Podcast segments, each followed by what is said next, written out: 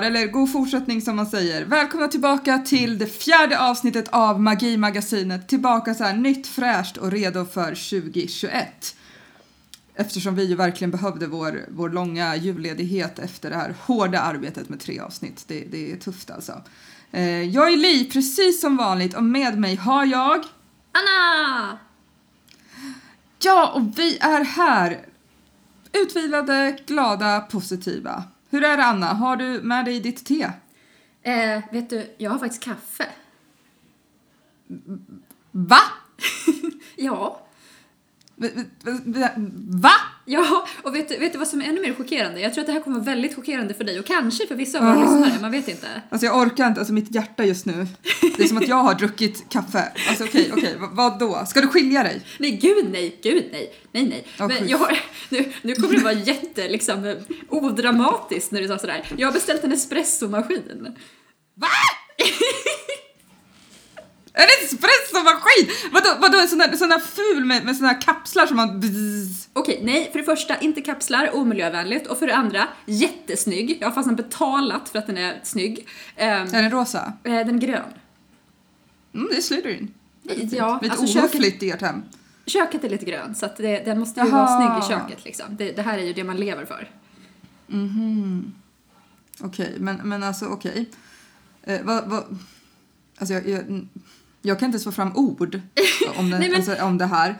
Nej men jag saknar En, liksom... en kaffemaskin. Ja, jag vet. Jag saknar liksom att gå på café och man kan inte gå på café just nu eh, på ett vettigt sätt. Och jag saknar att dricka typ kaffe latte. Och då tänkte jag att fasen, man måste väl få dricka en kaffe latte det kommande halvåret liksom. Och sen beställde jag en espressomaskin. Ja, där är vi nu.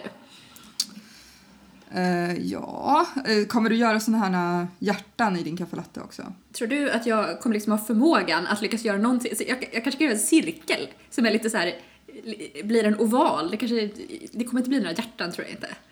Jag tänker att för våra lyssnare nu måste Ja. du ju göra en kvick. Åh herregud, ja jag får väl försöka då. Ja, det, alltså, det här är det sjukaste jag har hört någonsin. Typ. Men, men alltså, vad, vad säger din fru om det här? Nej hon tycker nog att det, just att den ska ha någon mjölkskummare, en sån där som man har på café liksom, som säger psh och skummar mjölk. Då kan man liksom ha till varm choklad också. Eh, för hon är inte så intresserad av kaffe min fru, men, men hon tyckte ändå att det lät som en bra idé. Det här är en sån himla dyr grej. Ja, jag vet, jag vet. Frågan är hur mycket jag kommer Vad är det använda för fel på takeaway? Ja, nej, alltså det är en jättebra fråga. Det var lite kaffemaskinen eller typ en Nintendo Switch och det blev kaffemaskinen. Ja, jag, jag ska inte ens säga vad det var för val. Jag tycker att du borde gjort det här. Men okej, ja. Det är ju ändå ditt val och dina pengar. Och vem är jag att döma en kaffedrickare? Nej, exakt. Eh, Jag har faktiskt gjort en kladdkaka idag. Ooh. Du vet min berömda kladdkaka. Din kladdkaka är berömd, det ska sägas. Alltså det är den bästa kladdkakan. Alltså den är så god. Ehm, jag hade kokos i så här, istället för ströbröd Åh. när man gjorde så här, så det blir ju jättemycket godare. Ja. Alltså, kommer du ihåg eh, när det var den här dokumentären om Rowling? Alltså jag tror att den hette A year in the life of J.K. Rowling typ. Eh, Ja. när hon gjorde chokladkaka eller typ kladdkaka och alla i svenska fandom blev helt tokiga. Ja, precis. Det var på den tiden när vi fortfarande blev tokiga på ett positivt sätt när J.K. Rowling gjorde någonting. Det kan vi prata om någon gång. Det är sant. Ja, det, det får vi ta någon annan gång. Men ja, i alla fall hon gjorde ju kladdkaka och det var ju väldigt fint att se. Eh, det kändes ju, man kände sig lite utvald då för vi visste alltså kladdkaka har ju varit en grej i vår fandom. Ja. Vi får prata om kladdkaka någon annan gång också tror jag. Annars så kommer jag börja prata om... Kladdkakan var god. Okej. Men, men vet du vad? Jag tänkte faktiskt att vi eh, ska gå vidare från din eh, kaffemaskin som ju har chockat mig väldigt mycket redan. Och så tänkte jag att vi ska gå in på lite allvarliga andra saker som också eh, kan vara lite hårt att prata om. Jag tänkte Anna idag att vi skulle prata om Harry Potter-filmerna. Oh! Har du sett någon? Eh, har jag sett? Jag, jag har sett alla faktiskt. Va? Ja. Är det inte klokt? Wow. Ja, det är, det är imponerande faktiskt. Eh, kommer du ihåg, alltså nu, nu är jag så här taskig för att jag tänker att du är jätteliten, men jag kom på att du inte är så himla liten. Men, men kommer du ihåg när, när det var så här, när det annonsades typ att första filmen skulle komma, att det skulle bli en film? Ah. Inte att det annonsades tror jag. Det har jag inget minne av. Jag tror, jag tror att vi pratade om ganska tidigt efter att jag hade läst boken. Eh, eller börjat läsa böckerna, att liksom det här måste ju bli film. Men jag tror inte ens att jag liksom riktigt reflekterade över att det var en grej som kunde eller inte kunde hända. Jag tror att, med att sen när det väl dök upp att ja, den ska komma så var det så här, ja det är klart, det, det förstod man ju liksom. Eh, Men jag har liksom inte ett minne av ett announcement, nej. Nej, alltså jag minns liksom att det var så, jag tror att det var, det stod så här tidningarna typ att det skulle bli en film. Jag tror att typ pappa berättade det för mig. Ah, ja. Och så vet jag att jag för mig, alltså det var inte, som sagt som vi har pratat om tidigare var det inte internet på samma sätt. Det här första filmen kom ju 2001. Så du var 10 Ja. eh, och jag var 12, 13, 13 typ. Eh, alltså att jag minns första filmen jättemycket, det var för att jag minns att det var väldigt, väldigt mycket om det här i Dels i media, men jag minns också att det var ju då de verkligen började köra på med massa merch. Alltså kommer du ihåg de här chokladgrodorna man kunde köpa och samla kort med? Ja, just Det var det. jättestort då. Det började ju komma då. Så vet Ja. du, man kunde köpa så här jättemycket böcker. Men så jag vet att jag fick något så skrivhäfte med Draco Malfoy. Typ så var det Tom Felton typ när han är så där liten. Men, men jag minns också, det här är ganska coolt och fortfarande något jag är väldigt avis på. Alltså det här var, jag var ju jätte Harry Potter-nördig då. Alltså då som nu typ. Ehm, och jag hade en kompis som också var jätte, jätte Harry Potter-nördig som jag lärde känna på högstadiet när vi började sjuan. Och hon var ett så pass stort fan att hon var liksom involverad i typ jag minns inte vad det hette men typ så Svenska Harry Potter-föreningen. Alltså det var någonting så här. Oj. Så att hon fick åka till London Nej. och gå på galapremiären. Va? Alltså inte tillsammans med kändisarna men fick stå så på röda mattan och så gick liksom hon och massa andra inbjudna i en annan salong typ och så satt kändisarna bredvid. Men gud. Och så var hon med på Nyhetsmorgon och pratade om det här. Vad det sjukt. var coolt. Alltså det låter ju jätte, jätte, jättecoolt. Herregud. Ja! Alltså det var ju så, vi, så vi var ju så avis. Hon hade fått se alla då, Danny Radcliffe, alltså alla de, de var så små liksom. Ja. Alltså de var ju jättepluttiga. Ja. Okej, de var väl som vi var typ, men alltså de var jättesmå. De allra flesta är små när de är små. Det, det, det är okej. Ja, det är Alla det som har vi varit pluttiga. Har du verkligen varit det? Eh, Jag var fortfarande det, jätteliten. inte riktigt. Jag börjar bli gammal. Ja. Men, och det var ju väldigt kul. Alltså, jag kommer ihåg typ, att man tyckte verkligen det var så himla spännande. Alltså, så här, och det som jag tycker var kul med, med just första Harry Potter-filmen var ju dels att det var det här att man, man var så spänd på hur den skulle bli och liksom man var helt inne i det. Alltså, den här kom ju 2001 som vi sa. Då var vi liksom, alltså i Sverige hade vi fått första, andra, tredje boken va? Ja, där någonstans. Om jag ja. inte missminner mig. Ja. Så den var ju liksom, den var ju mitt inne och jag vet att det var mycket skriverier om att det var eh, farligt att påbörja en filmserie innan bokserien var avslutad och sådär. Att man var lite så här, varför börjar man? Alltså att man vågade ta den risken, typ. Att det var väldigt häftigt så. ja. Men det, det, jag tycker att det var väldigt kul. Alltså det var ju också typ, det började komma, det var ju den här tiden det började komma så här eh, DVD typ. Alltså att DVD började bli en grej. Just Minns det. du, om ja. ni hade, minns, minns du om ni hade filmen på VHS eller DVD när ni köpte den? För jag antar att ni köpte den. Jag tror att vi köpte den. Um, oh, jag tror att vi kanske hade kanske ettan och tvåan på VHS. Kanske. Ja, Ja, för jag jag minns, att vi, jag minns att min pappa han köpte eh, Philosopher's Stone till mig på DVD. Ja. Och jag kommer att det var, det var väldigt coolt typ för att det fanns massa så här eh, extra material och man kunde så gå in, alltså det var den här coola menyn och typ så här, ja, ja. det var väldigt kul. Tyckte jag. Eh, men det var liksom, det är också typ, det, det visar ju också lite vilken tid de här filmerna kom i. Ja. Liksom så här, det var så himla länge sedan. Ja, alltså det är kanske är några av verkligen. våra lyssnare som typ inte ens vet vad en VHS är. Typ. Alltså för mig, ja det är helt sjukt. Jag minns det som att när vi inför att vi skulle se ettan, alltså jag var ju så liten så jag förstod ju liksom ingenting om typ liksom hur man gör en film och kanske så här vad man behöver ändra på för att det ska funka liksom. Att man kanske måste ändra på vissa saker för att det ska funka på en film istället för i boken. Jag vet att vi hade pratat om innan, så här, på någon sorts allvar, och där säger någonting om hur liten jag var, att vi kanske så skulle ta med oss boken till biosalongen och liksom bläddra allt eftersom för att liksom, jag menar så här, för, för att liksom se så här, vart vi var någonstans och för, för att kolla hur, så. Och jag, och jag hade liksom någon sorts bild av att det skulle gå att göra det. Eh, Så att jag vet, jag vet att jag tyckte att filmen var bra, men att jag också hade någon sorts känsla av att liksom, ah, fast de hade ju kunnat hålla så här, eh, lite, lite det här boken var bättre än filmen syndromet som det, det är ju, det är kanske inte en kontroversiell ovanlig åsikt att man läser en bok och ser en film och så tycker man att nah, boken var bättre än filmen. Eh, Men också det att de hade kanske, jag vet att jag tyckte då att de hade kanske ändrat på lite mycket och kanske tagit bort lite mycket. Och i efterhand så kan jag känna att det var ju eh, väldigt konstigt tyckt av mig tio år eftersom jag visste ju då heller inte liksom hur eh, de första två filmerna tar ju inte ut svängarna mest om jag säger så. Jag tycker de kanske de är egentligen bäst på att hålla sig till liksom boken. Och jag tycker också att den stilen som Chris Columbus valde Eh, att liksom, nej men det är Hogwarts och det är de här skoluniformerna. Det var ju där de hittade på hela det visuella liksom. Det som vi nu känner igen som Hogwarts. Även fast de var tvungna att ändra lite på hur det såg ut i varje film. Och typ ändra på Hagrids lilla stuga byggde de ju upp helt nytt varje gång. Jag fattar inte varför. Eh, så så att, ja, nej men jag minns ändå att jag, det, det var liksom mitt intryck att det var bra men de har kanske ändrat lite mycket. Det är så spännande det där med Chris Columbus för att eh nu, nu går jag in på andra fandoms här, vi kanske kommer göra det i något avsnitt, men jag, jag är ju också väldigt, väldigt förtjust i Percy Jackson-böckerna och det vet de flesta som känner mig.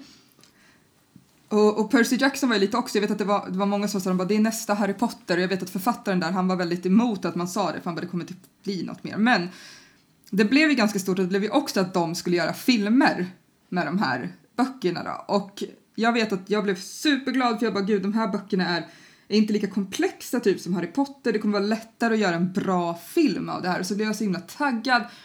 Och jag blev ännu mer taggad när det annonsades att liksom det var Chris Columbus som skulle göra första Percy Jackson-filmen. För jag bara, men gud. Alltså, säga vad man vill om, om Harry Potter och Det vises sten, Harry Potter och fång, eh, Harry Potter och Hemligheternas kammare. Eh, för jag tycker att de kanske är lite sega och tråkiga. Eh, men, men de i alla fall väldigt, håller sig väldigt till boken. Det, det kan man ju verkligen säga som du sa, att det är verkligen där man har byggt det. Eh, och då tänkte jag i min enfald att jag var gud, Percy Jackson kommer också bli exakt samma som boken och det var bara exakt tvärt emot, alltså det var så dåligt. Alltså, jag blir fortfarande så, så arg när jag tänker på det. Jag vet, jag vet att vi var så här, vi bara vad fan Chris Columbus, vad gör du? Typ så här. Äh, äh, vi får, får, ta det någon annan gång. Alltså, men jag sa det, det är så kul att han verkligen typ så här, i Harry Potter är det liksom, det är verkligen steg för steg nästan rätt. Och sen bara gick det åt helvete. Ja. Ah, ja. Eh, men men det var, han gjorde de två första filmerna och sen bytte man ju. Och jag kommer faktiskt inte ihåg, och Erik kommer typ bli jättearg efter att, att vi har spelat klart det här nu, men jag kommer inte ihåg varför man bytte faktiskt. Jag vet inte om vi vet varför. Jag tror du ska säga att du inte kommer ihåg känns... vem man bytte till. ja, det vet jag. Ja. Jag vet vem man bytte till, men jag kommer inte ihåg varför man bestämde att han inte fick göra eh, trean liksom. Men har de, alltså, har de gått ut med det? Och var det verkligen så att han inte fick? Eller att så här, han vill göra något annat? Nej, jag vet inte. Han kanske inte...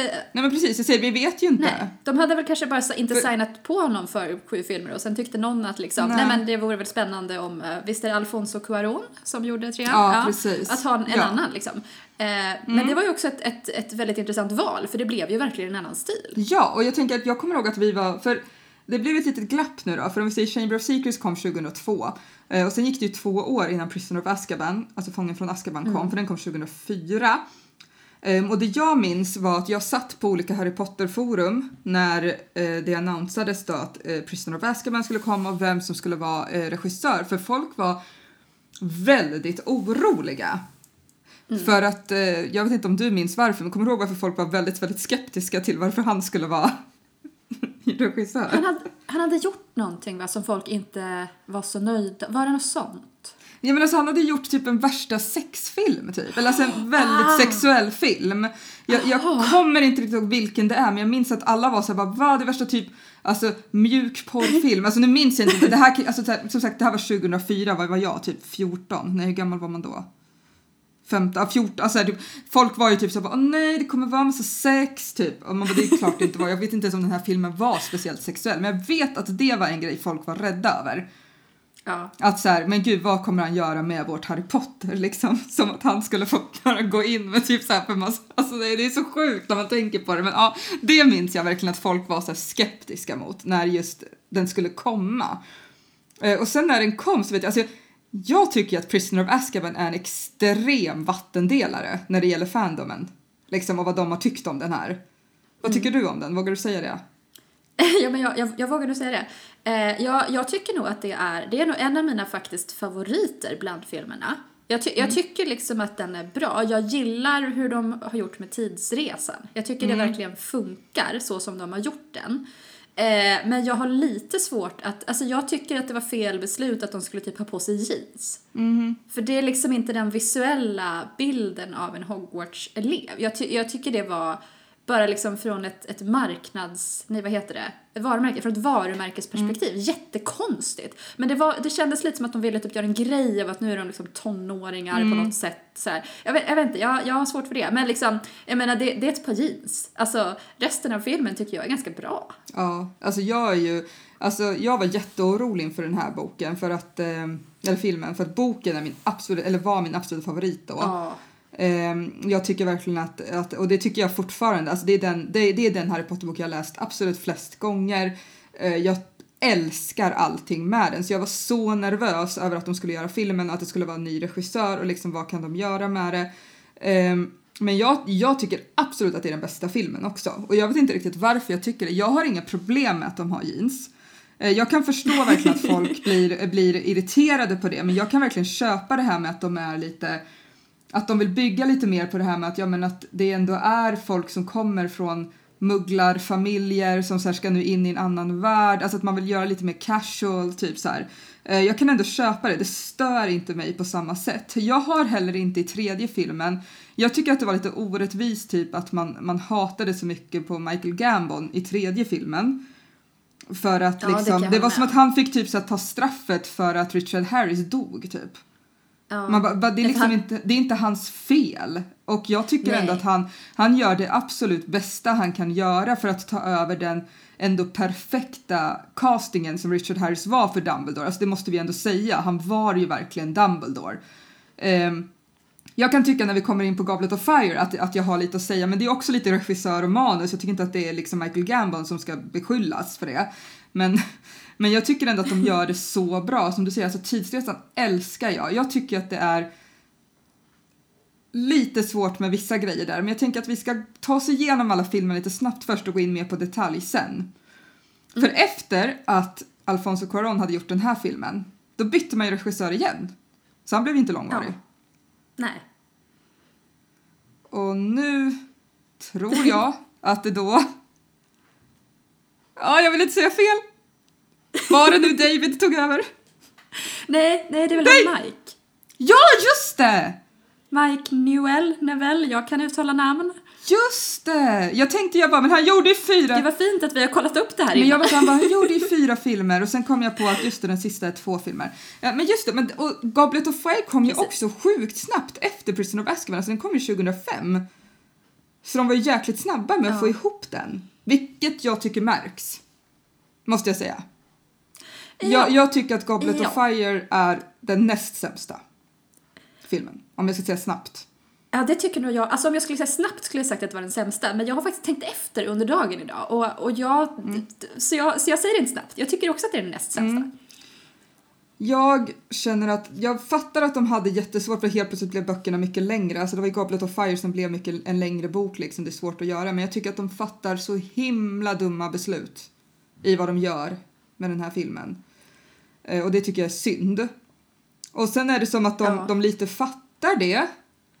För då tar de lite längre tid på sig. Det här var ju lite för att boken kanske också skulle komma i god tid, på säga. Nej men alltså att de skulle få mer tid till det här. För att sen kom ju Order of the Phoenix kom ju samtidigt som sista boken, alltså den kom ju 2007. Ja, precis. Eh, och då har det gått två år och det tycker jag man märker på att Order of the Phoenix var jag efter The Trainwreck, som jag ändå får säga att jag tycker fjärde filmen var, så tycker jag att jag var jättenervös över The Order of the Phoenix som var så lång, men jag tycker att de har lyckats med den mycket, mycket bättre.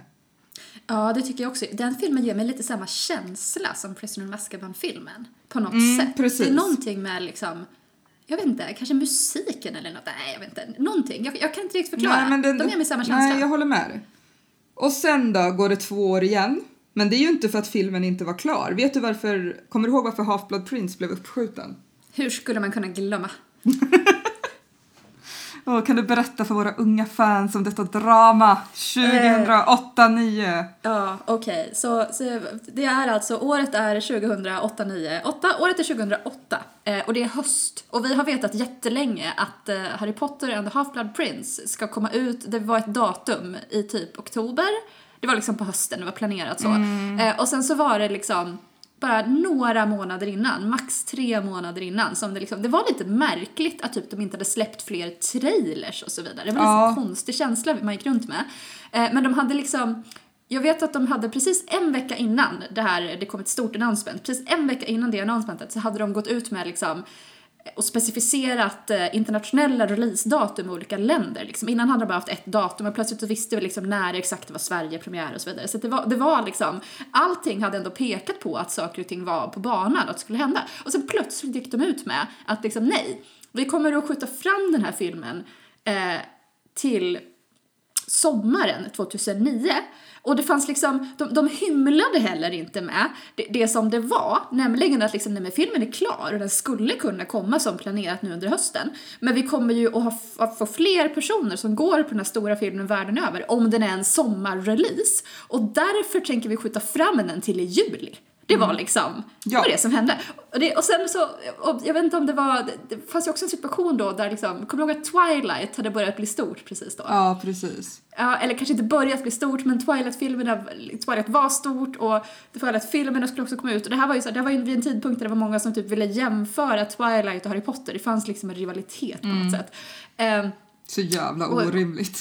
Ja, Förlåt. alltså. Det, det, går, det kan vi prata om. Men, men liksom, visst, visst var det så, kommer jag ihåg rätt här, att de, när det här releasedatumet då i oktober liksom plötsligt eh, inte fanns längre så, alltså, så gick plötsligt de som gjorde Twilight-filmerna ut med att då skulle, de tog det datumet liksom. Okej, nu kommer vår film att släppas den här dagen. Det var så, alltså, en så himla konstig grej som hände i samband med det här. Ja, Ja. Så var det i alla fall. Nej men och jag tror också, för jag har kollat det här lite och pratat med, med andra mer kunniga och det som också var Ja. Dels var det att de visste att de skulle få mer sommaren efter men det var också att de behövde det. För att när den skulle ha kommit 2008 så hade Warner Brothers redan tjänat så himla mycket pengar på The Dark Knight, om du kommer ihåg den Batman-filmen med Heath Ja. Ledger. De hade tjänat så sjukt mycket pengar att de bara, men vi behöver inte ha in de här Harry Potter-pengarna i vår i vårt bokslut, alltså det är du som är ekonom, jag vet inte hur man tänker, men man tänker väl på så här verksamhetsår liksom. Ja. Ehm, och då var de så här, typ, de bara, nej men vi behöver inte ha några mer pengar, alltså så att den här Harry Potter-premiären som vi vet alltid drar in massa pengar oavsett om filmen är bra eller inte, vi behöver inte safea med den 2009 för att The Dark Knight som var lite så här wildcard gick så himla bra.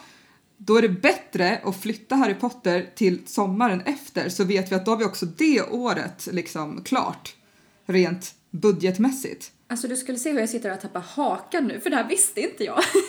Nej, jag, jag visste inte heller det förrän Erik berättade det här för mig. Men gud. För jag trodde också, för jag tror att det är så här att det som var anledningen som vi fick höra och det Ja. vi var upprörda över då Ja. var ju just där att de, de bara vi får mer personer som tittar då, alltså det var ju det man sa. Ja. Eh, Jag tror till och med att nu om vi ska gå tillbaka till poddar och sånt där så tror jag att vi pratade om det här i Expelliarmus cast. Alltså jag, jag gjorde nyheterna någon gång tror jag och det var om det här tror jag. Men jag tror det, jag tror att vi gjorde ett extrainsatt avsnitt typ. Ja, liksom, för att prata om det. Ehm. För vi var så, alltså det var, ju, det var ju så fruktansvärt tråkigt om vi nu ska prata om liksom. ja, folk, Ja. Blev, ja, folk blev så arga. Ja, vet, det var ju värsta arga. grejen att vi försökte liksom bojkotta Ja, nej, det var- Warner Brothers och sen kom man på att det var så jäkla svårt för Warner Brothers typ ägde ju allting förutom det som Disney äger. Liksom, typ. Nej men alltså så här, Ja. det var liksom så här, typ, man bara gud jag får inte titta på någonting. Alltså det var så här, allting. Ja, men, eller, Ehm, ja. Och det var heller inte... Alltså, Eh, men det ju- var ja. helt dramatiskt. Alltså det var ju den mest dramatiska släppet skulle jag säga. Ja, de fick ju också ganska Och mycket för vad? Typ. Ja, och det var också så här... För Jag, vad kan jag säga? ja, ja, jag menar liksom... För det här, nej, nej, fast jag, vi- det är ju den sämsta av filmerna. Eh, Half-Blood Prince. Ja, Oh, där tycker vi olika. nej, jag tycker nu blev det det... är fy. Nu blev det dålig stämning här. Det dålig stämning. Nej. Vi kan ju gå vidare till nästa film som jag tycker är den sämsta Ja. av filmerna. Ja, eh, men det var ju liksom, så det var ju redan drama och sen kom ju då, och det här var ju trenden nu. Ja. Nu, nu är vi alltså inne kids 2009, 2010 och nu börjar en trend som allt för många hakade på, Mm. Vilket var att dela upp den sista boken i två delar för filmen. Och det gör Harry Potter i Deathly Hallows. Mm. Så man gör det för att göra en Deathly Hallows Part 1 och en Deathly Hallows Part 2. Och Part 1 kom då 2010 eh, på hösten. Alltså lite mer än ett år efter Half-Blood Prince och sen så kom Part 2 på sommaren därefter 2011. Och det här var lite spännande. Part 1 har ju liksom, det var ju då jag, eh, det var ju den sista premiären du och jag fick se i Sverige. Mm, så var det. Vi såg ju alla premiärer på alla filmerna innan dess i Sverige. Kommer du ihåg vilka det vi har sett tillsammans? Eh, jag tror bara att är... Half-Blood Prince, va? Half-Blood- jag tror Och att det är de tre Hallows. sista. Det, ja, men det är de tre Ja, sista. precis. Därför att när, när jag gick och såg... ehm, alltså jag hade aldrig varit på ett Fandom-event när Order of the Phoenix kom. Så att nej, det är, Nej. det är de tre sista som vi såg tillsammans. Ja, precis. För Deathly Hallows Part 2, 2, Ja. Deathly Hallows Part 2, nej, den, den såg vi ju i Florida på Lykicon som vi pratade om i förra avsnittet. Exakt. Det var ju där vi fick se den filmen. Ja. Så det var ju också lite coolt att liksom få se en fandom i, i, på olika ställen liksom. Ja, ja men verkligen. Bortsett från det sjuka då i att, att man inte bokar platsbiljetter på bion i USA, för det var fan det stördaste jag varit med om. Det, det var faktiskt jättesjukt. Just att man går in Ja, i en salong alltså helt galet. och så får man ta en plats, liksom den som råkar finnas. Och sen så har man inte en platsbiljett. Ja. För tusan, man vill ju sitta med sina kompisar. Vad händer om man kommer sist? Ja! Det var ju folk som kom sist Nej, det var in och som bara oj, Ja! nu finns det inte platser tillsammans. Alltså, nej. Nej, det var så galet. Alltså det var så stressigt. Ja. Jag, för jag har aldrig riktigt fattat så här varför folk går så tidigt. Alltså visst, i Sverige brukar man skratta åt att alla vill gå och se reklamen typ. Mm. Men alltså där måste man ju gå skittidigt om man typ så vill sitta tillsammans och inte typ ha en sämst plats. Alltså jag tycker det är jättekonstigt. Ja. Jag blir asstressad, jag blir asstressad nu av att tänka på det. Jag bara gud. Men det är det här, alltså, det är så kul med de här filmerna för det är åtta filmer liksom och de har ju påverkat fandomen något så enormt mycket. Alltså jag tänker så här, så fort det kom en film fick ju vår Harry Potter-fandom också mer uppmärksamhet. Mm. Eh, Jag tänker eh, Half-Blood Prince, när den kom 2009, visst var det då du och Erik fick åka till TV4 för att bli intervjuade om short snouts? Jajamän. Och det, var, det hade ni ju inte fått bli om det inte var för att det skulle komma en film den sommaren liksom. Nej, gud nej. Nej, utan det var ju det... Oh, jag minns fortfarande när de ringde upp Erik och vi... Det var lustigt, vi var... Det var ju typ den veckan den här skulle hända och vi... Eller hade hänt, skulle hända. Ja, ja. Vi... Skulle han, jag tror att det var under. Ja, men det var, det var under ett pågående konvent i alla fall. Så vi var liksom i Ja. Stockholm och så ringer Eriks telefon och jag tror till och med att vi var på typ soundcheck för spelningen och liksom, vi är lite irriterade på Erik, varför lägger han inte på, vi är lite upptagna och så typ så här tittar han upp från telefonen och liksom stage-viskar Nyhetsmorgon! Och alla bara får typ panik. Eh, och då ville de att vi skulle komma dit och typ prata om Wizard Rock för att de ville egentligen prata om filmen och så ville de liksom ha någon sån här vinkel på oh, vad gör fansen nu liksom. Och det, var, det är mycket sånt som har gjort typ att, att vi har kunnat nå ut lite mer med liksom, nej men att vi har det här bandet, The Swedish Short Snouts, att vi har haft de här konventen, Quidditch-SM va? Fick också jättemycket PR någon gång. Ja. Ja, alltså jag minns att när eh, Harry Potter och the Deathly Hallows skulle komma, det här var alltså 2011, den kom den 21 juli, kom den samtidigt som sjunde boken hade kommit? Va? Var det Nej. inte typ 21? Det var typ samtidigt i alla fall. Det var ganska lika tid. Det var ganska lika tid, men jag tror att det var, jag tror att det var tidigare, för jag tror att Lykicon var någonstans den 11 kanske. Kanske. Mm.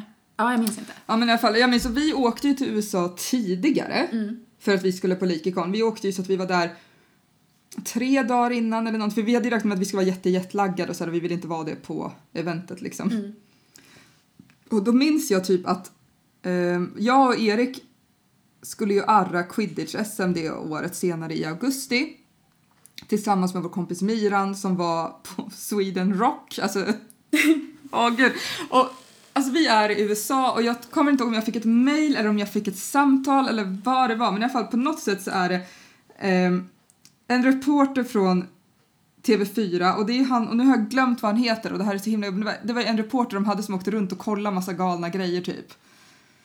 I alla fall, och de ringer och var så här, de bara, ah, men kan inte vi få komma och titta? Vi hörde att ni, ni ska ha quidditch-SM, kan inte vi få komma och titta nu i samband med att filmen kommer på er spela quidditch? För vi, de hade läst om oss i någon annan tidning också och sådär.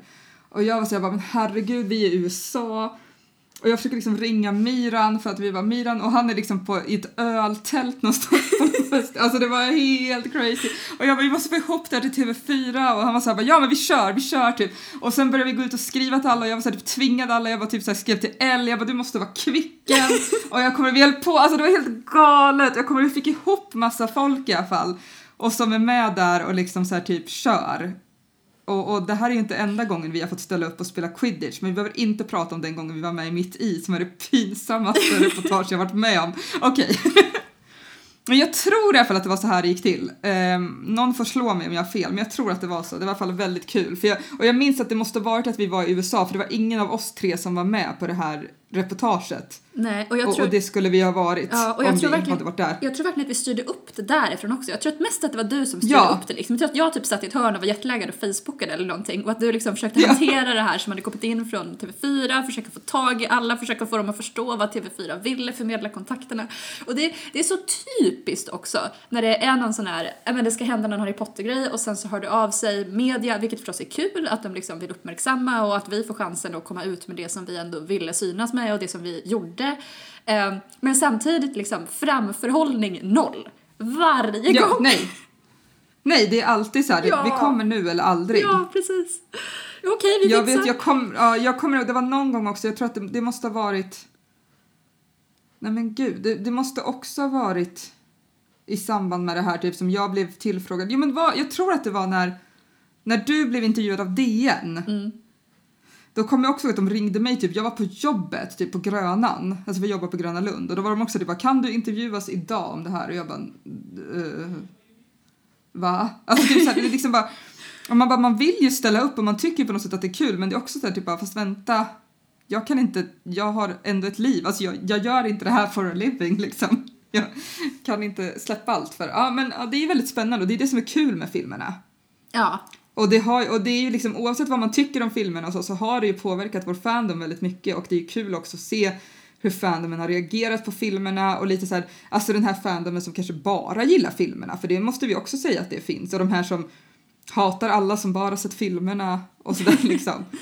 Eh, Men jag tycker att det är liksom lite fint och det är fint att filmerna finns eftersom eh, många hittar ju Harry Potter på det sättet, alltså flera av mina elever hittar ju det på grund av att de har sett någon film liksom mm. och börja läsa böckerna. Åh, alltså åtta filmer, alltså det är ganska mycket grejer som händer då. ja. Ehm, gud, ska vi, ska vi göra så här? Okej, ska vi lista filmerna? Hur vi tycker att de är. okej. Alltså från bäst till Oj. sämst. Om du gör din lista och jag gör min Ja, lista. ja. Mm, vill du börja? Ehm, får, jag, får jag en sekund? Alltså det här, oj Ja. oj oj oj, från bäst till sämst. Yes!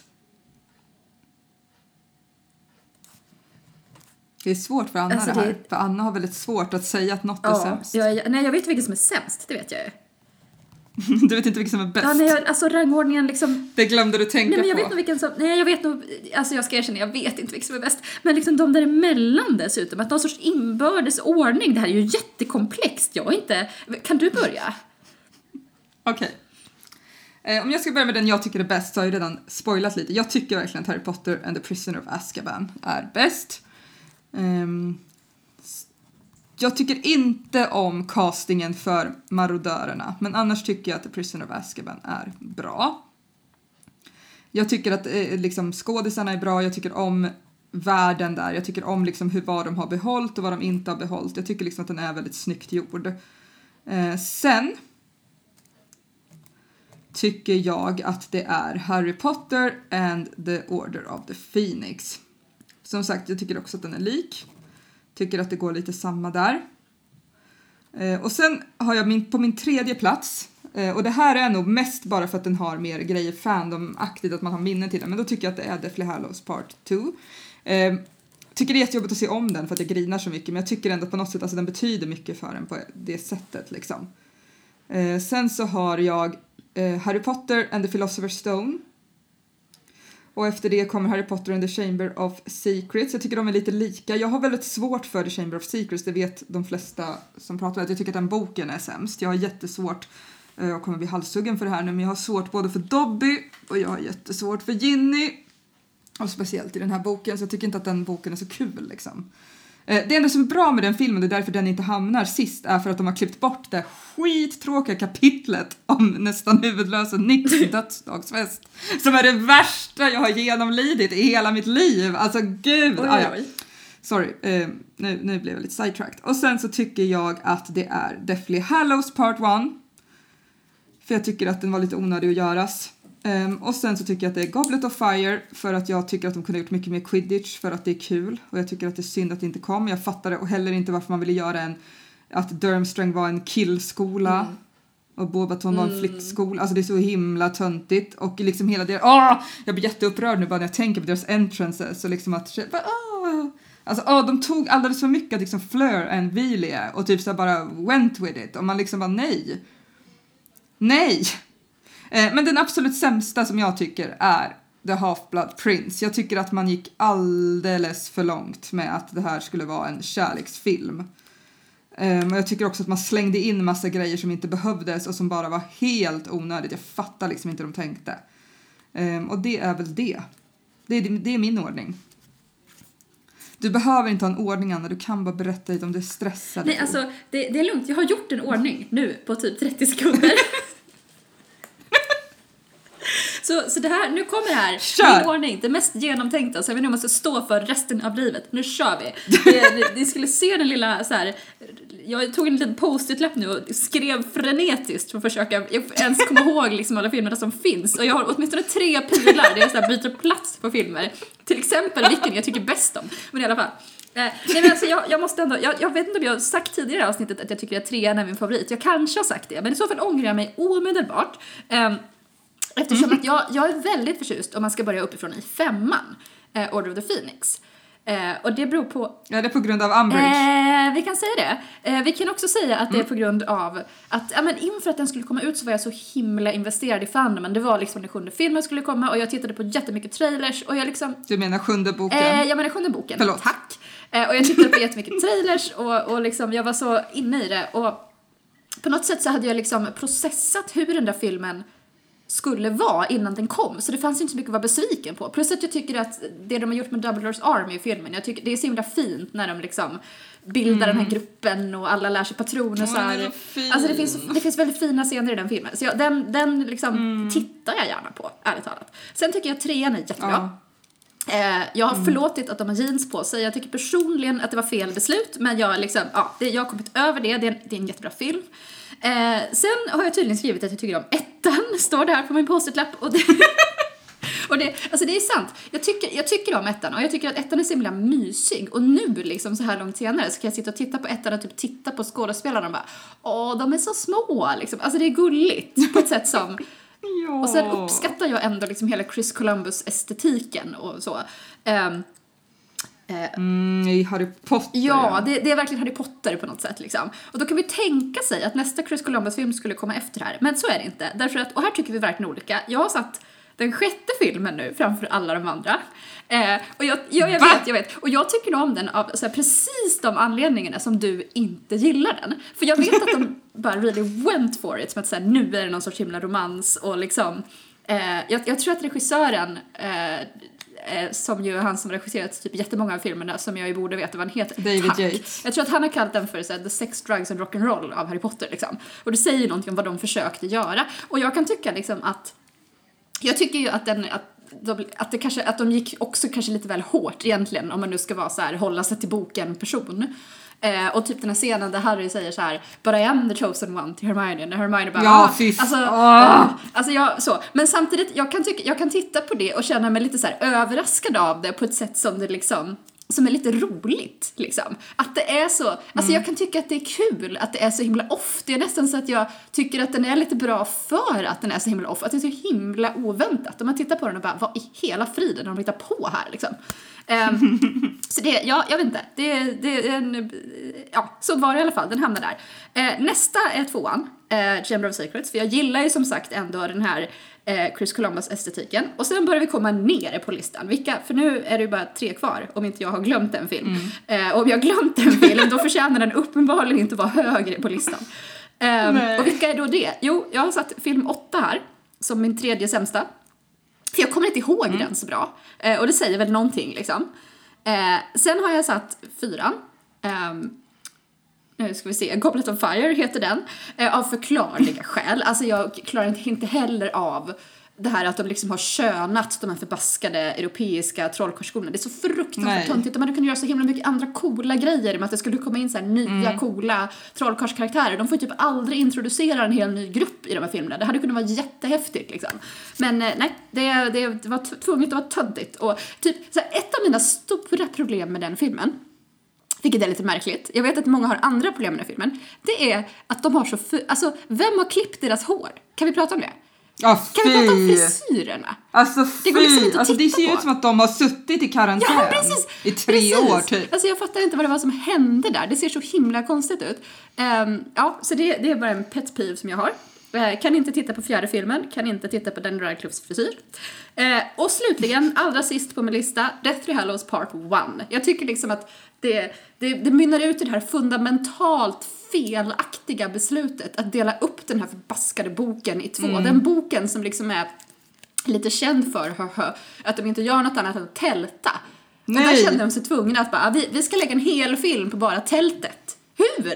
Varför? Vad är det som är Ja. spännande med det här? Vilken upplösning är det jag ska förvänta mig i slut? Det händer ju ingenting i hela boken, alltså i den halvan av boken. Förlåt Deathly Hallows, men liksom, ja, det Nej, men, och jag tänker att det var väl det vi alla sa också när det här kom. Ja. Att alla var såhär, vänta Ja. va? Just den här filmen, ska, eller det här ska bli två filmer där alla är liksom typ ganska överens om att det händer inte, eller alltså det händer inte så mycket i den boken som går bra att göra Nej. på film, Nej. tänkte jag. Precis. Det som jag tycker om, som de ändå har gjort, eller, och det, det som jag tänker också är ju att de kom på där, och det här är ju lite också som sagt att de gjorde filmer medan eh, böckerna fortfarande var skriv, eh, höll på att skrivas och det var mycket secrets liksom för att Eh, som jag förstår det var ju Alan Rickman en av få som faktiskt fick veta då till exempel att Snape hade, alltså Snapes historia, att eh, Rowling berättade för honom redan typ i första, andra filmen typ, alltså så att han skulle veta det. Eh, men det är mycket annat som de inte fick veta skulle vara viktigt i de tidigare filmerna som sen i, i sju, sjunde boken visade sig vara superviktigt liksom. Och, och det är ju ett problem. Och det är det jag tycker man försöker rätta till. mm, verkligen. Eh, för jag tänker liksom att helt plötsligt ska man förklara Sirius spegel. Eh, man ska börja gå in på Aberforth. Man ska liksom börja få in allt det här som jag känner att, att liksom, ja men vänta nu, vad, vad, ja, vi, ja vi fattar vad ni gör men nej. Och jag, jag har också hört att eh, jag tyckte ju att Deathly Hallows och Deathly Hallows Part 2 ändå var bra för att de ändå följer boken bra, tycker jag.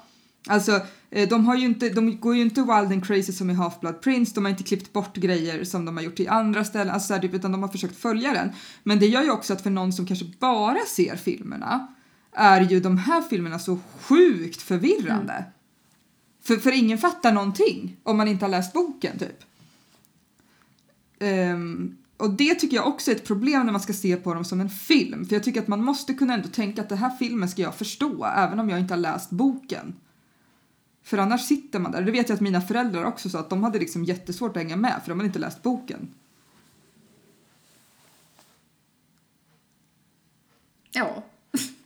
Nej men du har helt rätt. Alltså, den, är, den, är, den är ganska svår att begripa eh, om, man inte har, om man inte har läst boken. Och det, och det är som du säger också, det som händer i den lämpar sig inte jätteväl för att berätta på film. Och de har liksom inte byggt sig runt det särskilt mycket heller. Alltså de hade ju kunnat hitta sätt Nej. att visa saker på som var tydligare. Och de har liksom inte gjort det. För en gång skulle jag är sur på att de inte Nej. har ändrat mer. Ja, jag tycker jättemycket om att de har lagt till den snatcher-grejen. Inte bara för att han huvudsnatchen är så jäkla gullig.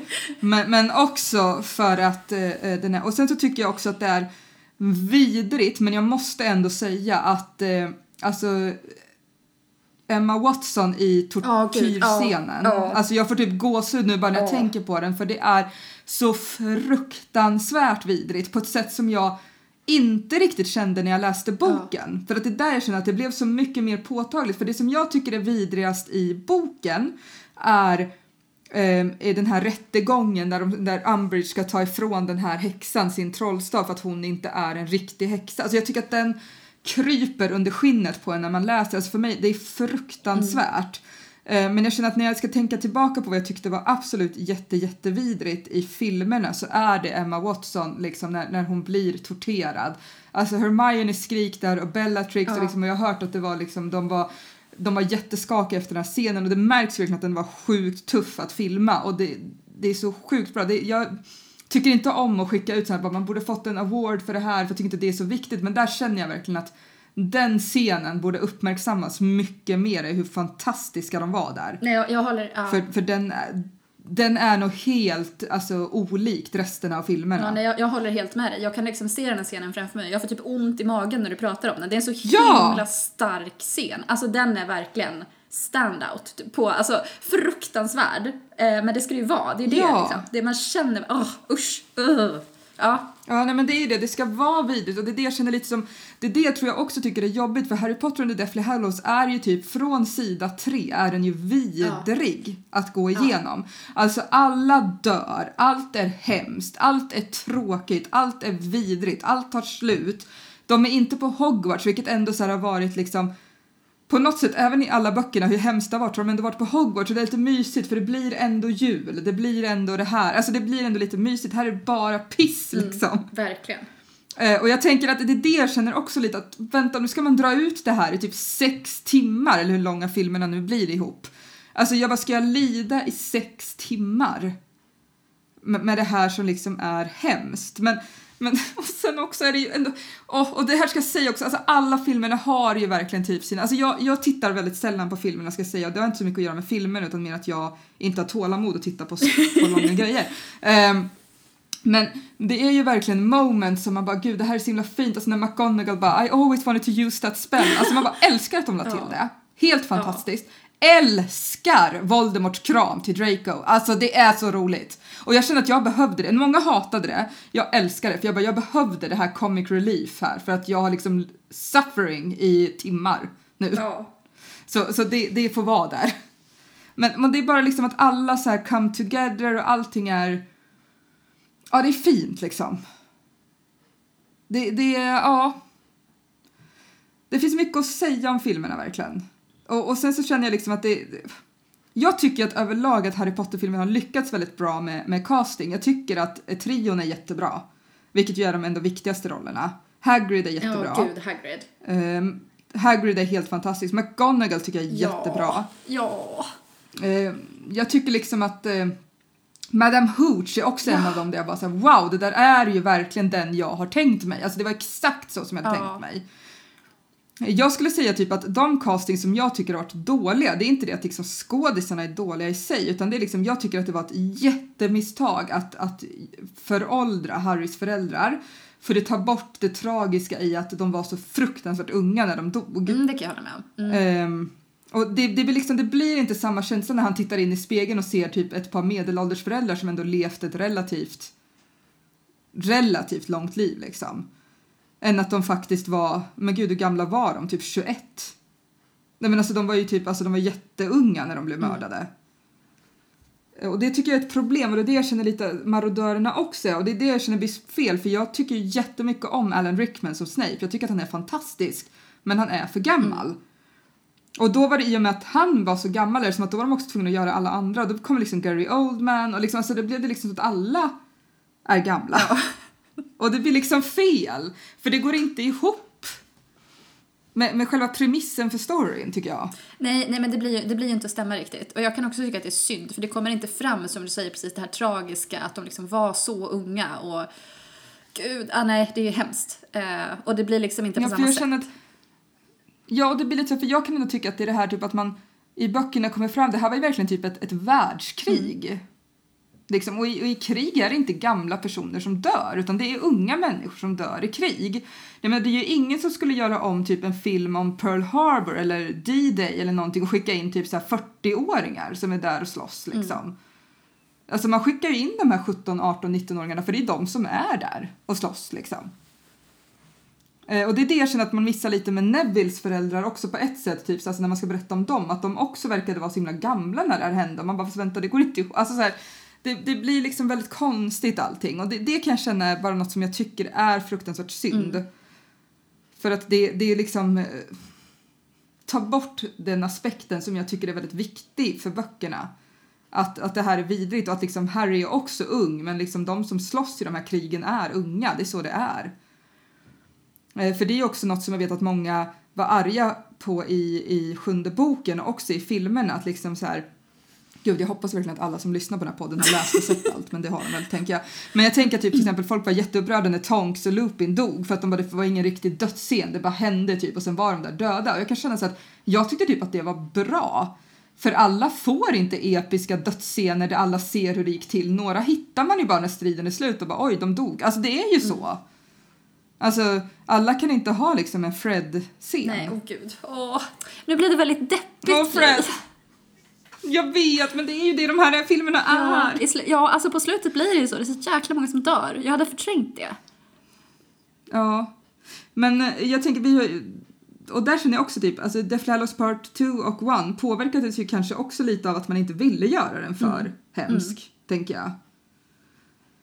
Ehm, för jag tänker, det var väl ändå en ung publik man tänkte att den ska kunna riktas till också, så det är ju barn som ska kunna se den. Ja, ja men det är absolut. För, Ja. för jag, undrar, jag undrar lite därför om det är typ så till exempel att när Voldemort dör, att man har gjort det här som vi tycker är jättetöntigt med konfetti och det är med Bellatrix också.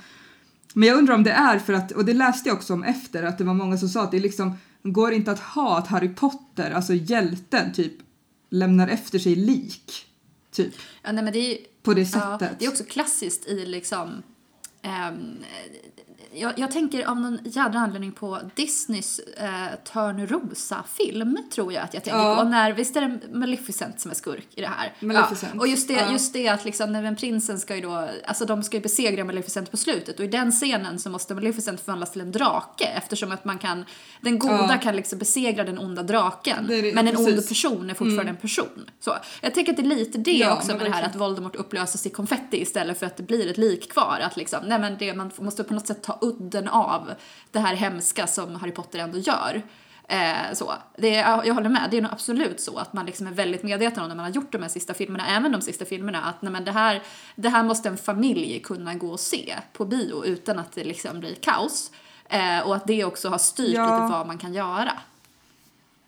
Ja, för det påverkar ju, och, och det är också lite vad man vill ha för, för liksom tankar kring det tror jag på ett sätt som man som man kanske inte alltid tänker på om man inte kan jättemycket om film. Alltså jag ska verkligen inte säga att jag kan jättemycket om film, men jag, jag är ganska intresserad liksom av hur man, hur man hanterar liksom hur människor reagerar på olika saker och vad man vill se och hur det påverkar ens tankar om karaktärer. Just det Harry Potter där var ju en väldigt tydlig liksom, vad, vad vill man att man ska gå man vill, man vill inte att folk skulle gå med den här diskussionen, bara såhär vänta var Harry Potter god? Var han egentligen ond? Alltså vilket, vilket jag tror de fick gällande Dumbledore som de kanske inte hade tänkt att det skulle bli lika stort, att folk verkligen skulle vänta vad Dumbledore är ett as liksom. Um, Jag vet inte. Jag, jag känner liksom att vi har ju fått lite frågor om det. Jag, jag skickade ju ut på i våra sociala medier om det var något man ville att vi skulle ta upp och då var det just lite om det här vad vi tycker är bra och dåligt och lite vad vi tror påverkas och vad vi tycker om vissa grejer man har lagt in och sånt där. Um, och det är ju väldigt spännande just att diskutera sånt här. Jag tycker att det är väldigt kul men jag tycker överlag att Harry Potter har gjort Alltså med den pressen de har haft tycker jag ändå de har gjort ett bra jobb. Det, det tycker jag också. Det tycker jag också. Alltså jag, jag skulle inte ens vilja tänka liksom vad jag, alltså hur det skulle vara att behöva leverera och det är det jag känner lite också som jag kan känna för Rowling med sista boken och också för de som gör de sista filmerna. Alltså fy att behöva ha det här, bara vänta jag har liksom byggt en hel värld, det sitter liksom miljarder och är förväntansfulla på det här, hur ska jag avsluta, hur ska jag hur ska vi få till det här på ett bra sätt liksom? Hur, hur ska vi göra det på ett sätt som gör de flesta nöjda? Alltså det måste vara så himla svårt. Det måste vara jätte, jättesvårt. Men jag, jag, jag tycker att de har vunnit mycket på framförallt två saker om man tänker alla filmerna. Liksom. Jag tycker att de har vunnit mycket dels på att de, de har ändå fångat känslan på något sätt. Liksom. Det finns ju många scener man kan titta på där man tittar på så här, på Hogwarts, det är magi, det händer saker och man får liksom rätt känsla som ändå känns som känslan i böckerna. Att säga, men det här är Hogwarts liksom. Och, och det här är Harry Potter och det här är det här som är det här fina, det här som gjorde att man drogs in från början liksom. Och det, dels tror jag är att man, att det ändå liksom till stor del har varit väldigt bra cast och till stor del har varit väldigt bra manus. Sen är det klart att man inte är nöjd med alla beslut de har fattat. Dels det. Nej, men det men sen också musiken. Musiken Ja. gör så himla mycket. Och dels Hedwigs theme som ju naturligtvis är fantastiskt. Men liksom i många av de här varma fina scenerna där man ändå kan stanna upp och vänta det här fångar verkligen det där som man en gång läste Mm. på papper. Är det liksom så himla bra musik? Som man typ kan höra liksom, när, in, när man inte tittar på filmen, när man hör musiken någonstans och så plötsligt fångar, det, alltså man fångas av den här känslan, det, liksom, det kommer tillbaka till en. Så det, och, och det har de ändå liksom lyckats med, tycker jag. Det hade Ja. kunnat vara så mycket Och värre. jag tänk, ja, och det är det jag tänker att Warner Brothers överlag, alltså sen de köpte Harry Potter, alltså det är så lite som jag pratade om och har pratat om att alltså det är klart vi alla fattar att de vill tjäna pengar och det var ju väldigt tydligt med Half-Blood Princess också. Det är klart att Harry Potter är der, var och är deras kassako. Men jag tycker ändå att de också anstränger sig på ett sätt för att få det bra. Ehm, till exempel att man, ansträngde sig för att få en bra cast, alltså att man verkligen ansträngde sig för att hitta, bara, nu ska vi hitta de här perfekta barnen. Vi ska inte, vi ska inte göra om de här 11-åringarna till 16-åringar för att då kunna ha att vi har vuxna som spelar dem. Eh, för att det ska vara mer lättillgängligt, alltså att göra, utan att man verkligen bara nu ska vi ha det och att man också filmar mycket på location. Mm. Eh, och det är det jag känner för alla filmer jag tycker om är just det och det är inte bara det att det kanske är fantasyaktigt men det är just att det är det här att vi filmats på Eh, med så lite green screen liksom som möjligt. Alltså det är klart man fattar att vissa grejer måste vara green screen men att man liksom kan ändå på stora del göra, jag vet att jag såg en, ett extra material till eh, Sagan om de två tornen, tror jag bestämt. Eh, där eh, han som gjort om Peter Jackson sa att de hade funderat på om de skulle göra en, en scen med, eh, med Eowyn och sådär, om de skulle göra det i en studio med en green screen för att det, det kanske skulle vara jobbigt att bygga upp hela liksom, byn och det de skulle ha. Men att sen så beslutade de sig ändå för att nej men vi bygger upp det för det blir bättre och det har gått så bra annars och då, då blev det en helt annan känsla och det är det jag tycker man ser lite i filmerna. Alltså tänk om de hade gjort lite mer som om vi säger Star Wars episod 3 att de typ Ja. bara greenscreenar allting och liksom det ser bara ut som ett datorspel och det är liksom Ehm, det blir inte den här känslan för det jag känner att när man när de ändå spelar in på plats i ett, i ett slott med riktiga personer, höll jag på att säga, men alltså med, med barn som faktiskt är i den här åldern och med, med personer som ändå är det de ska försöka vara, där det inte är jättemycket konto, alltså det blir bättre. Mm. Och det känns påkostat på ett bra sätt, att man ändå har ansträngt sig och det tycker jag om. Och det är det jag tycker till exempel också om med som jag har sagt tidigare, att Harry Potter-parken i Florida, att det känns liksom, ja jag fattar att det är för att tjäna pengar men det är också jäkligt snyggt gjort. Mm, verkligen. Eh, Det är inte bara någon plastgrej de har slängt upp utan de har liksom gjort det fruktansvärt snyggt och, och det tycker jag är viktigt och det är det jag tycker Harry Potter var fram tills typ Beedle the Bard. Ja, Sen tycker jag att det gick ut för efter Där där. någonstans. Där, För att där det var var- bra. Ja. Ja, nej men innan det så var det väl, men det skulle vara fint, det skulle vara för, alltså ja, men sen, alltså ja. Och det tycker jag är väldigt, väldigt kul. Men sen så tänker jag just att filmerna är så spännande att prata om och just det som jag säger, jag ser dem väldigt sällan men jag tycker ändå att det är väldigt mysigt att sitta och lyssna på musiken. Jag, jag skulle bli väldigt glad om någon ville sitta och se den med mig någon gång, någon av filmerna och, och se och jag tycker skådisarna är fantastiska liksom så att jag tycker att det, det är jättekul att liksom de finns och att de att de inte att man inte blev rädd för att göra dem så här. Att man inte just castade liksom eh, 30-åringar för att kunna låtsas vara 16-åringar. Att man ändrade hela premissen där utan man faktiskt gav dem chansen. För att eh, jag läste på lite om det här och då sa de det att det var just för att Harry Potter lyckades som man nu har vågat göra fler filmer med actual barn Mm. i rollerna. Till exempel det var därför Narnia-filmerna fick komma. För att man inte, man tänkte att okej, men funkar det med Harry Potter kan det funka med Narnia. Och det blev ju också jättefantastiska filmer. Ja, de är jättebra. Jätte, jättebra. ja, de är det- typ bättre. ja. Men ja, de är så himla bra. Ja, de är bättre. Ja. Ja. men, nej, men, eh, nej, men liksom, så, så, det tycker jag också är väldigt fint och det, det visar ju någonting om att liksom, det här är verkligen bra. Mm. Och, alltså det finns, ju- man, man går igång av det här, jag tycker att det är kul. Mm. Man vill typ säga så här, man bara, nej men jag bryr mig mest om böckerna, men man har så himla mycket att säga om filmerna. Ja, man har ju det. Och det har ju, alltså okej att man inte har tyckt om allting de har gjort i filmerna, men överlag har det ju ändå som vi säger, jag tycker också att det har varit bra överlag. Och det har ju gett så mycket som vi har pratat om, liksom att, att Harry Potter liksom inte tog slut 2007, utan att det fortsatte komma filmer, har ju liksom gjort att det har funnits på Ja. ett helt annat sätt och att det fanns saker att se fram emot och saker att peppa. Och det var som vi pratade om att vi hade ju liksom inte, vi, vi hade ju inte träffats 2007 när sista boken kom ut. Utan vi, det, är ju de, det var ju liksom efter det, där på hösten, som vi träffades för första gången. Ja. Och sen har vi liksom kunnat gå på de här tre sista, tre, tre, Ja. tre sista filmpremiärerna efter det. Alltså det har ju ändå liksom ändå gjort att fandomen fick ett mycket längre liv. För det ska jag säga som Harry Potter-fandom, att det, det är ju en, en så sjuk tidshorisont på den. Alltså numera känns det ju som att nya fandoms nu är ju liksom jäkla eldflugor.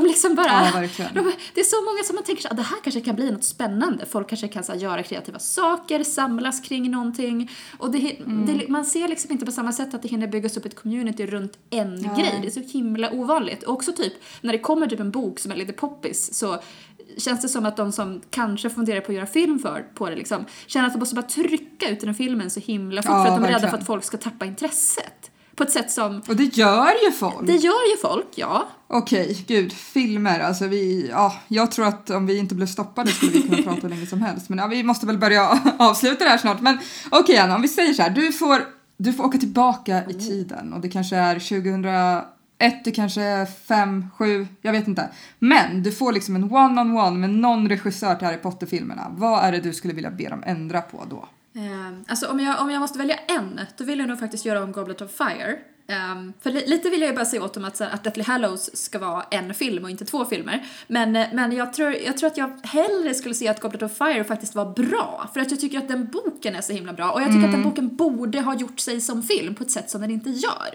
För det är liksom, oh. det är just det att det är första gången som vi får träffa en massa häxor och trollkarlar från liksom andra länder på något sätt. Vilket ju, det är ett så himla missed opportunity att man inte gjorde det bättre. Och det känns ju också som att så här, typ där innan jag har pratat om den här jeansen i film nummer tre ganska många gånger nu.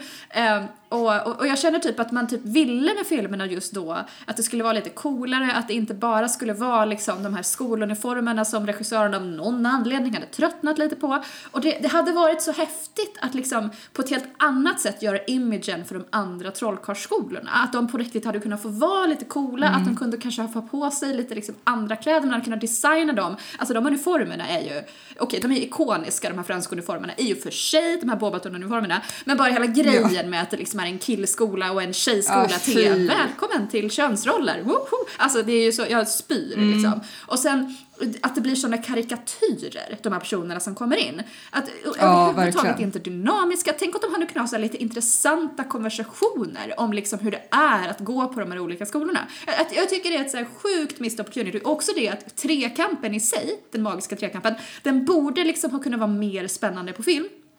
Eh, för det är, den är så mm -hmm. cinematisk. Alltså drakarna är skithäftiga och drakarna är ganska bra i filmen. Men det liksom, helhetsintrycket bara dras ner av den här fruktansvärda imagen av de här nya karaktärerna som ändå är en ganska väsentlig del av filmen. Det är nog, det är nog så här, den filmen borde ha varit skitbra. Det borde varit en knockout och den bara är inte det och det är så synd. Jag, jag känner liksom att det, jag, för jag håller med, jag skulle också vilja att de ändrade Goblet of Fire. Det känns som att de liksom fokuserar på fel saker. Det är som såhär, de bara åh, vi lyckades göra en skitcool drake. Nu lägger vi in typ en 10 minuter lång scen där Harry flyger runt med draken. och man bara så okej, okay, draken var jättehäftig men inte så häftig.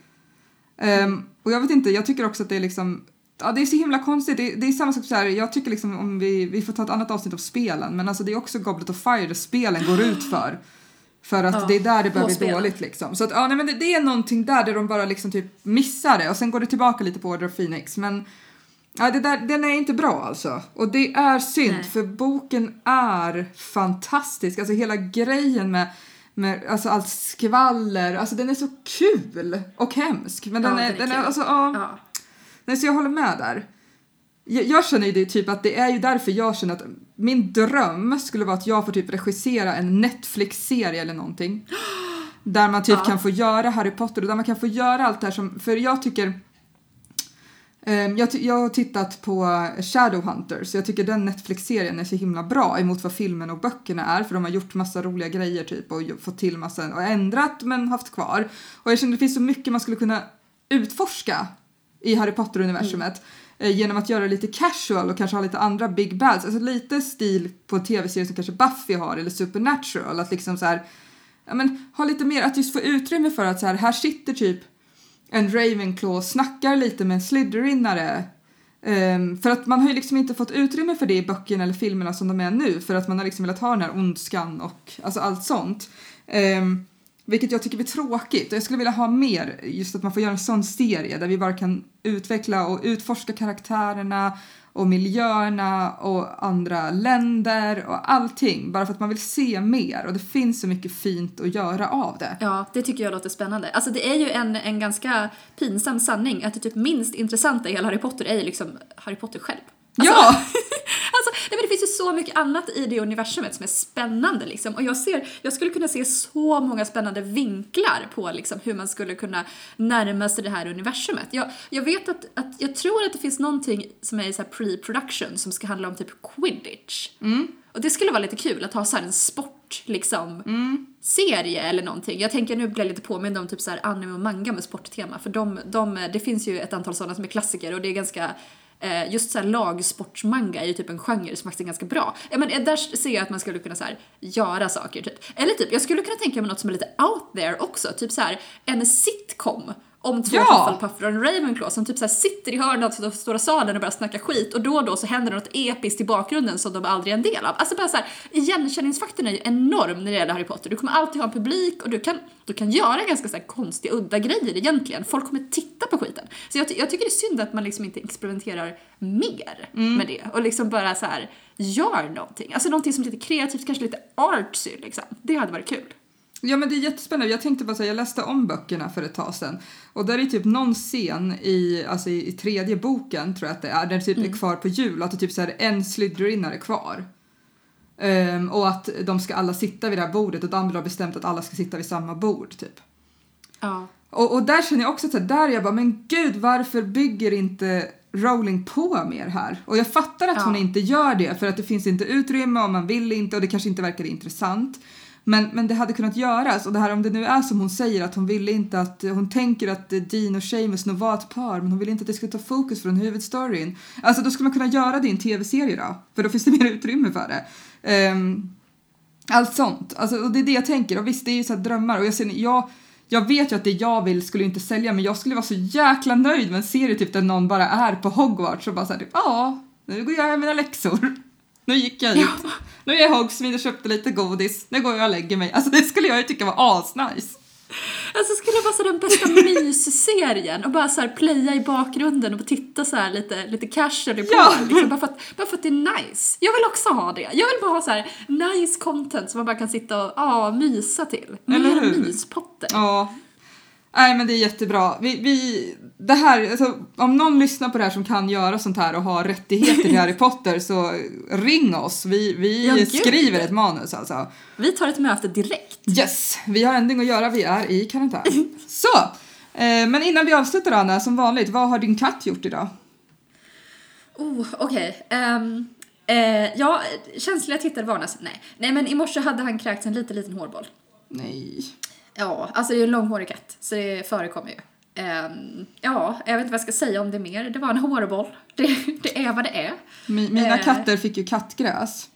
Ja. Ehm, och en av mina katter är väldigt duktig på att äta gräs.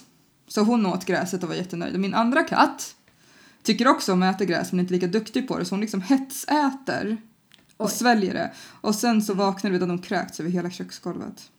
Alltså så här, hela Ah. grässtrån från att ha svalt dem hela. Ja, det är ju inte Men, men det är. Eriks katt så att jag tänker att det är han som får ta ansvar för henne och hennes Ja, uppfostran. det förstår jag. Mm. Absolut. Ja, men det är ju katter. Men det, är inte, Det det, är katter. var inte din fru som hade kräkts en hårboll i alla fall. Eh, nej. Ja, nej men Anna du får väl gå och längta efter din espressomaskin då. Ja, alltså gud, när den kommer. Åh, jag kommer aldrig prata om något annat på podden. Det kommer bli liksom kaffepodden sen. Ja, vi får, jag. vi får, om jag kan vi, få det att funka. Ja, vi får ha ett, nej, vi får ha ett helt avsnitt typ om Madame Puddifuts eller vad det heter och då kan du prata om vad du skulle ha tagit för kaffe om du hade gått på dejt med Cho Chang. Herregud, om jag hade gått på dejt med Cho Chang.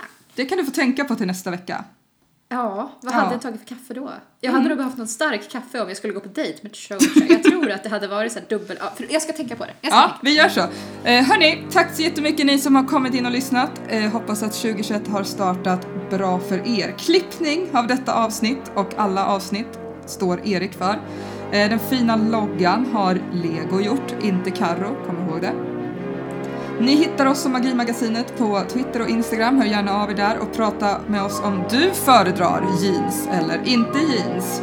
Jag har varit Li och med mig har jag Anna! vi ses nästa gång. Hör av er till oss om ni önskar något. Annars så gör inte det. Och vi hörs i framtida magiska avsnitt. Hej då!